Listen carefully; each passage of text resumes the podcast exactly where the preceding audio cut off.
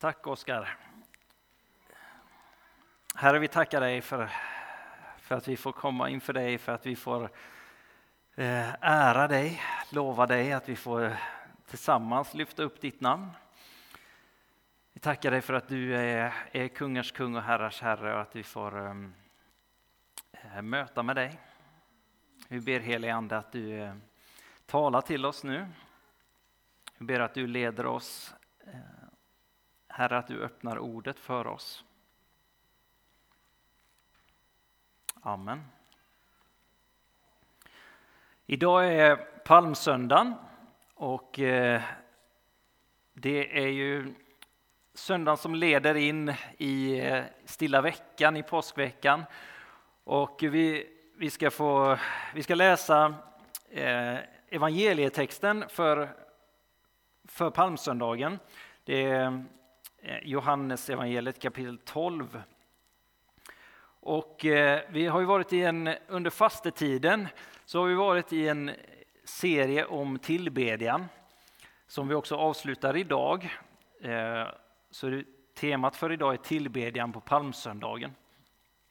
Passande. Ehm, så vi läser vers 1-16 i Johannes 12. Sex dagar före påsk kom Jesus till Betania där Lazarus bodde, han som Jesus hade uppväckt från de döda. Där ordnade de en festmåltid för honom. Marta passade upp och Lazarus var en av dem som låg till bords med honom. Då tog Maria en hel flaska dyrbar äkta nardusolja och smorde Jesu fötter och torkade dem med sitt hår. Och huset fylldes av doften från oljan. Men Judas Iskariot, en av hans lärjungar, den som skulle förråda honom, invände. Varför sålde man inte oljan för 300 denarer och gav till de fattiga? Det sade han inte för att han brydde sig om de fattiga, utan för att han var en tjuv och brukade ta ta för sig av det som lades i kassan som han hade hand om. Jesus sa då, låt henne vara. Hon har sparat den till min begravningsdag. De fattiga har ni alltid bland er, men mig har ni inte alltid. En stor mängd judar fick veta att Jesus var där och de kom inte bara för Jesus skull utan också för att se Lazarus som han hade uppväckt från de döda. Då bestämde sig översteprästerna för att döda även Lazarus eftersom många judar lämnade dem för hans skull och trodde på Jesus. Nästa dag hade folk i stora skaror kommit till högtiden. När de fick höra att Jesus var på väg in i Jerusalem tog de palmblad och gick ut för att möta honom. Och de ropade Hosianna, välsignade han som kommer i Herrens namn, han som är Israels kung. Jesus fann ett åsneföl och satt upp på det som det står skrivet. Var inte rädd, dotter Sion. Se, din kung kommer ridande på ett åsneföl. Hans lärjungar förstod först inte detta, men när Jesus hade blivit förhärligad kom de ihåg att det var skrivet så om honom och att man hade gjort så för honom. Så lyder det heliga evangeliet. Lovad vare du, Kristus.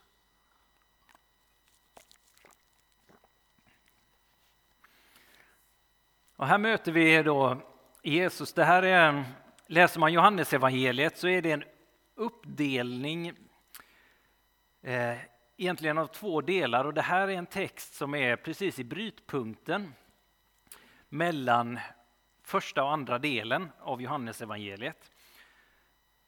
Johannes evangeliet skiljer sig lite från de andra evangelierna där eh, en väldigt stor del av evangeliet handlar om just eh, Jesus sista vecka, påskveckan och händelserna kring ja, stilla veckan och korsfästelsen och uppståndelsen och allt det här. Och den här texten hör till första delen men är en, en brytpunkt, en, en text eh, som, eh, som leder över. Och mitt i det här så, så får vi möta några enkla människor. Några som hamnar mitt i den här spänningen som råder.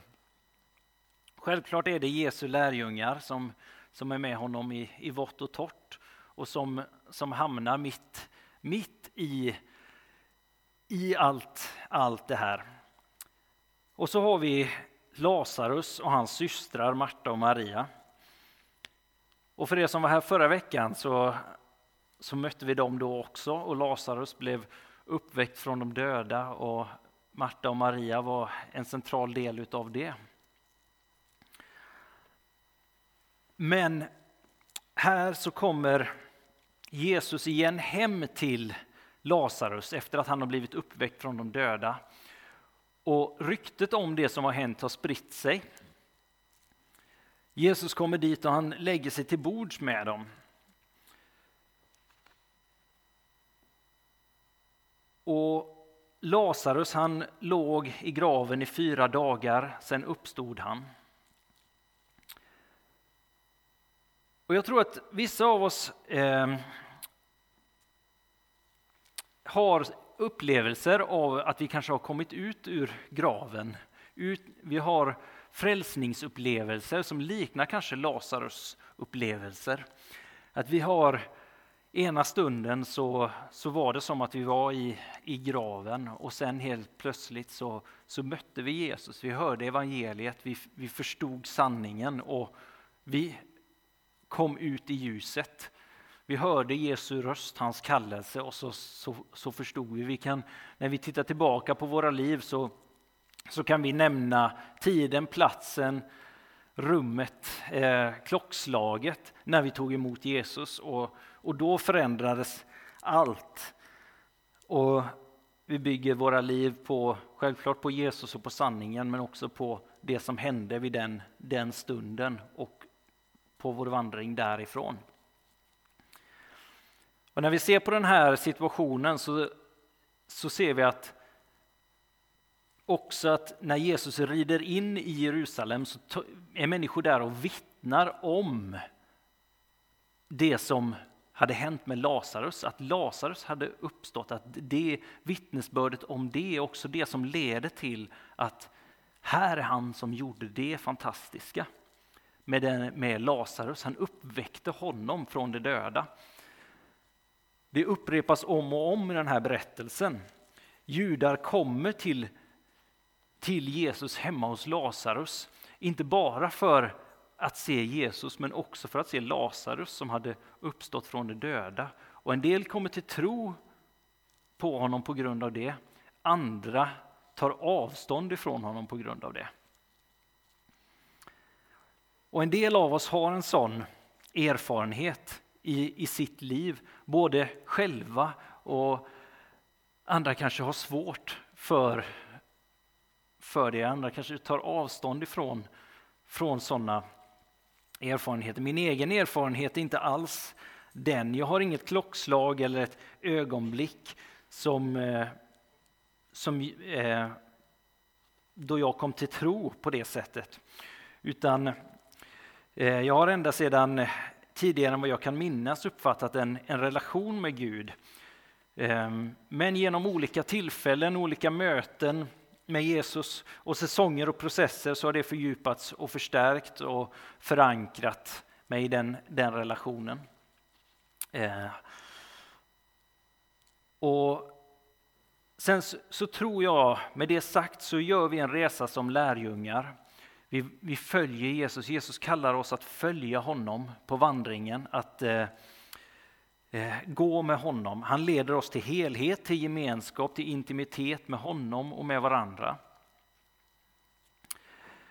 Och jag har varit med om under mitt liv eh, att, som jag sa, att min relation och trygghet i Jesus har förstärkts och fördjupats och att den får eh, genom olika saker så, och erfarenheter, möten både med, med Gud och med människor och eh, sanningar så har han, han lett mig in i en, eh, i en djupare intimitet och trygghet. Men också eh, så, så märker jag att jag gör saker som jag inte förstår varför. Varför gör jag det här om och om igen? Och eh, jag tänker saker som jag inte vill tänka. Jag eh, ja, agerar på sätt som jag inte vill agera. Och vi kan fundera ibland på var kommer det här ifrån? Varför kommer det här tillbaka? Eller ett nytt beteende som jag inte förstår. Varför, varför ska det här få finnas i mitt liv egentligen? Och vissa tillfällen i mitt liv så, så har det funnits saker som jag, som, eh, jag kan se tillbaka på och som jag märker att och det här det har eh, inneburit sån oerhörd skam. Eh, och jag tänkte om någon visste det här, då, då skulle min familj inte vilja ha med mig att göra, min församling skulle förkasta mig helt och hållet, mina vänner och så vidare och så vidare och så vidare. Eh, och ibland så kan det självklart ha handlat om att någonting som, som jag kanske har gjort eh, som är väldigt illa eller så. Men väldigt ofta så kan det också vara saker som, ja, jag ska inte säga att det inte är illa, men, men det kanske i sig inte är saken som är så fruktansvärt illa, utan det börjar i något litet och så får, får den saken få makt och eh, det, det växer på och blir någonting stort. Och när jag inte vågar komma med det till, till Gud eller till människor runt omkring mig så, så blir det en så mycket större sak som, som, som jag uppfattar som ett, ett stort berg eller en jätteskam. Och eh, vid det tillfället när jag till slut kapitulerar och säger nu, nu får jag bara lägga fram det här inför någon. Då på något sätt tappar det sin makt och jag märker att det här var kanske inte så stort som jag, som jag upplevde att det var.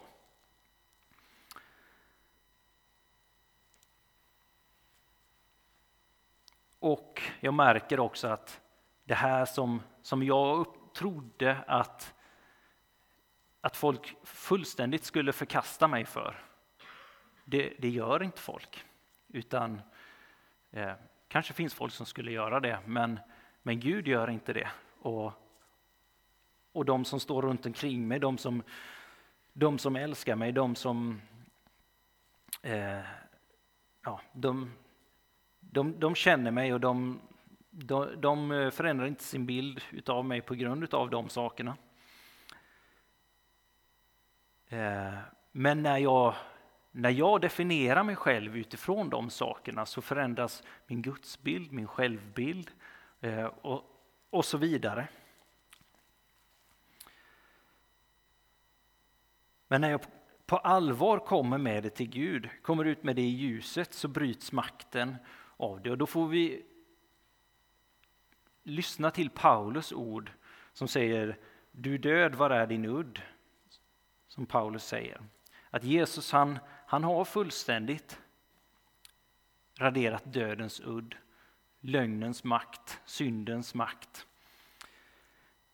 Eh, och jag tror att det är så här att när någonting faktiskt har fått slå rot i oss, fått makt över oss, så oavsett om det handlar om att, att jag har gjort något fel eller om vi eh, har hamnat i något som har eh, som är, är tankar och som inte är Guds tankar, lögnens tankar, eh, så kan jag givetvis be över dem. Jag kan, kan komma till Gud med dem. Men någonstans så är det så att när det har fått makt över oss så är det någonting som, som separerar mig från Gud. Jag vågar, Gud vill komma mig till mötes i det. Gud vill möta mig, han vill, han vill komma nära. Men, men jag har släppt in någonting som, eh, som gör att jag, våg, jag vågar inte komma på allvar till Gud. Och det är kanske inte alltid helt och hållet sant, men, men någonstans behöver jag mina bröder och systrar i den stunden. Jag, jag behöver, eh, jag behöver församlingen. Jag behöver folk runt omkring mig. Det behövs att jag, jag faktiskt talar ut det i ljuset.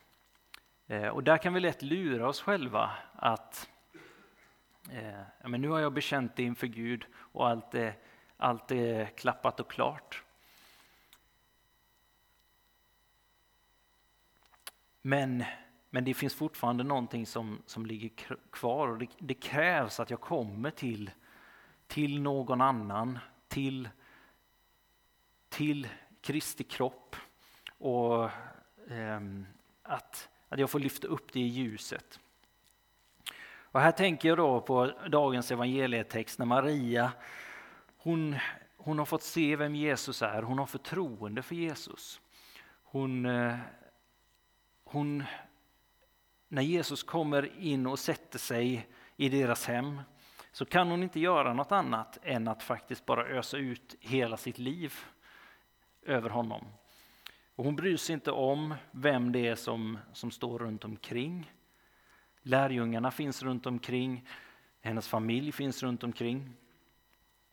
Men hon, hon kommer in och hon, hon häller ut den eh, dyrbara, äkta nardusoljan. Hon häller den över Jesu fötter. Hon torkar med sitt hår. Och hon, eh, hon tar en tjänares, en slavs position. Och Det här är hela hennes besparing, egentligen det som är hennes eh, försäkring. Hon öser ut det över Jesus. Hon tömmer ut sig själv helt och hållet. Och så hör vi Judas respons i det rummet där. Varför, varför detta slöseri? Och någonstans när vi, när vi gör det här, när vi tar steget att, att öppna oss själva, det här oavsett om det är att bekänna bekänna sin synd, bekänna sin, sitt misslyckande eller att komma med eh, att kliva ut i tro och, och våga ta risken att, att satsa på någonting för, för Jesus skull, något som jag inte vet att jag klarar av. Men att, att våga göra det, att våga ta stegen inför Jesus, att, att ödmjuka sig, att jag, här är jag, använd mig. Eller här, här är lilla jag, jag, jag har gjort detta, mitt liv är i, är i, i ruiner. Jag har, jag har gjort detta, jag, jag går med de här tankemönstren, jag ser på mig själv så här. Men, men jag, ger det, jag ger det till dig, jag sitter i min hemgrupp, jag, jag upplever det så här. Eh, någonstans så är, det en, så är det en lovsång inför Herren det är att jag tar min plats som en, vid hans fötter, smörjer hans fötter. Och inte, inte slår mig själv på bröstet och säger att kolla Jesus vad, vad stark och bra jag är och, och hur, hur väl jag har lyckats med allting. Utan jag, jag vet jag vet vad jag, vad jag har misslyckats med. Och inte att vi ska hålla på och titta hela tiden på att ja men det här har jag misslyckats med och det här. Men, men när vi faktiskt har det, att, att få, få komma med det till varandra. Och pröva, pröva och, och hälla ut det. Med risken att någon kanske, kanske är där och säger det var inte bra gjort. Det, du borde gjort på något annat sätt. För det är en sån ödmjukhet, en äkta tillbedjan, det påverkar oss. Jag vet det när man, när man hör någon som faktiskt bekänner, som omvänder sig, som kommer inför Herren och säger jag har gjort det här, det skapar frihet i en själv. Det, det skapar det skapar ödmjukhet, det skapar en gudslängtan. Men det kan också skapa en, ja, en distans. Det, som, som i Judas fall, det, det blottar våra hjärtan. Det, det, som, det är evangelium. Det är som Paulus säger att för vissa är det en stötesten, för andra är det evangelium. Vissa tar avstånd ifrån det, andra attraheras av det. Och här har vi en, en grupp, och det här återkommer om och om igen genom evangelierna när, när Jesus helar någon eller när han möter någon som är eh, sjuk eller har eh, upprättat en, en syndare från ett bortvänt liv eller, eh, eller någonting så märker vi det om och om igen hur det blottar andra människors liv. Och där har vi också ett val att göra. När vi känner de här känslorna, hur det drar i oss.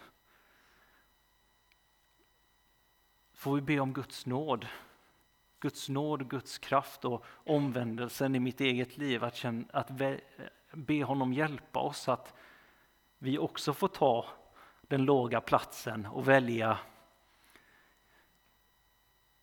Gud, jag kanske känner de här känslorna, att vilja säga som Judas.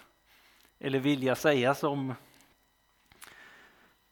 ja, som någon av fariseerna att um, du ska inte göra så här på sabbatsdagen. Men Gud, hjälp mig att välsigna henne i det hon gör i den här stunden.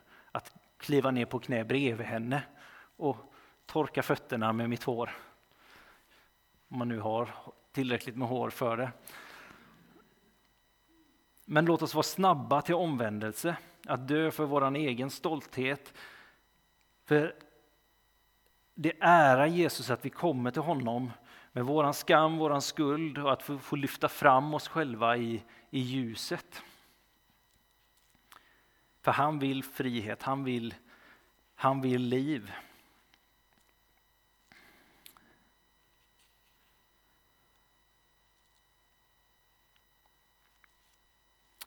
Och Jesus rider in i Jerusalem på palmsöndagen. Och han visar att han är kungen, han är Messias. Och han har många gånger sagt, berätta inte för någon vem jag är. Säg, folk har bekänt honom, de har mött honom, precis som Maria, de har mött honom och sagt, du är Messias eller eh, Herre eller någonting. Och de har blivit helade och börjat prisa honom eller någonting och han har sagt berätta inte det här för någon. Men nu tar han emot folkets jubel. De har velat göra honom till kung och han har dratt sig undan i öknen. Nu rider han in som kung och han tar emot Hosianna-ropen. Han tar emot att de lägger mantlarna framför honom och palmkvistarna på marken och han rider in i linje med profetian från Sakarja om att Messias ska komma ridande på en åsna. Och han tar emot det här erkännandet och han rider, han rider in i doften av nardusoljan som Maria då har tagit den här positionen och, och fått smörja honom med. Den sitter kvar och han har sagt att hon har smort mig för min begravning. Så han rider in i erkännandet, i upphöjandet och rider mot smord mot sin begravning. Marias lovsång, hennes eh, ödmjukhet, hennes ja, eh, uppoffring, hennes nakenhet Eh, den, den finns med Jesus genom hela helgen.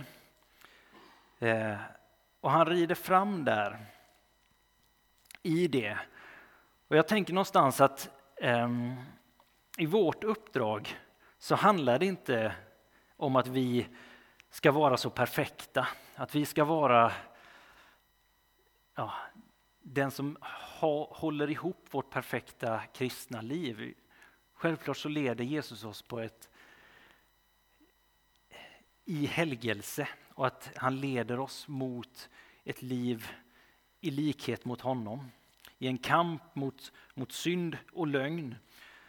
Men det är att leva i ljuset, att den Jesus som rider in ibland oss här i församlingen, som rider in i Vallås och i Halmstad, att han får bära doften eh, av att vi snabbt kommer till honom. Att han får präglas av att vi böjer oss inför honom och tvättar hans fötter. Att ja, den som Jesus som människor får möta här är också han, han präglas av våra misslyckanden om man får säga så. Och inte då av att vi, vi gömmer dem inom oss och eh, ja, de doftar unket. Utan av att vi får komma med dem till honom.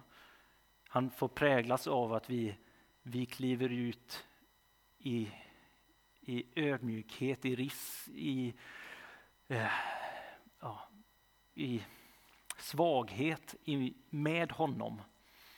Men också av att vi, häller ut oss själva på, på honom. I en genuin lovsång inför honom. Där han får på något sätt stråla genom och dofta av, av det som han det som har blivit fel i våra liv som han genom, genom sin uppoffring, genom sin makt förvandla till något, något vackert.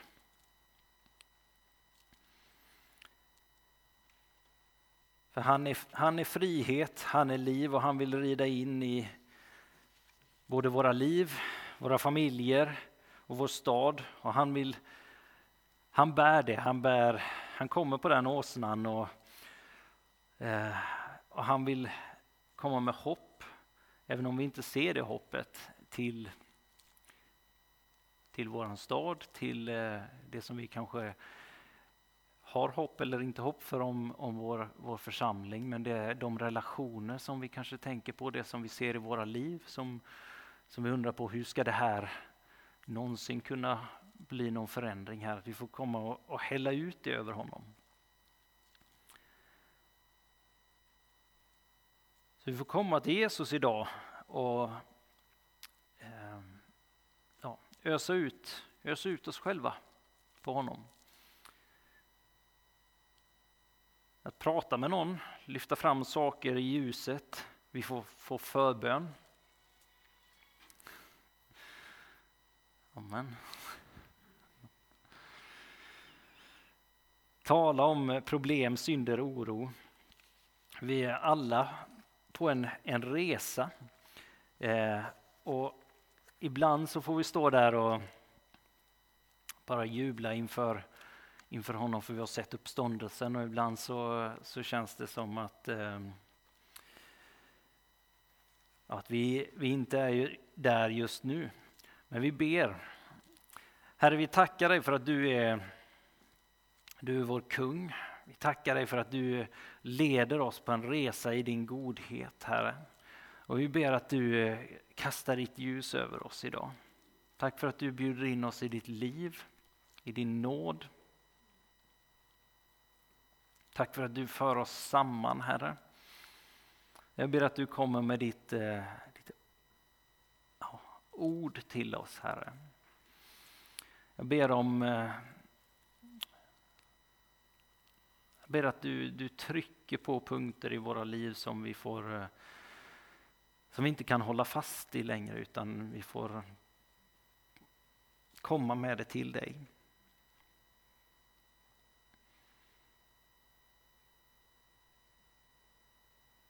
Tack för att du vill förvandla det som är svårt till, eh, till en lovsång inför dig.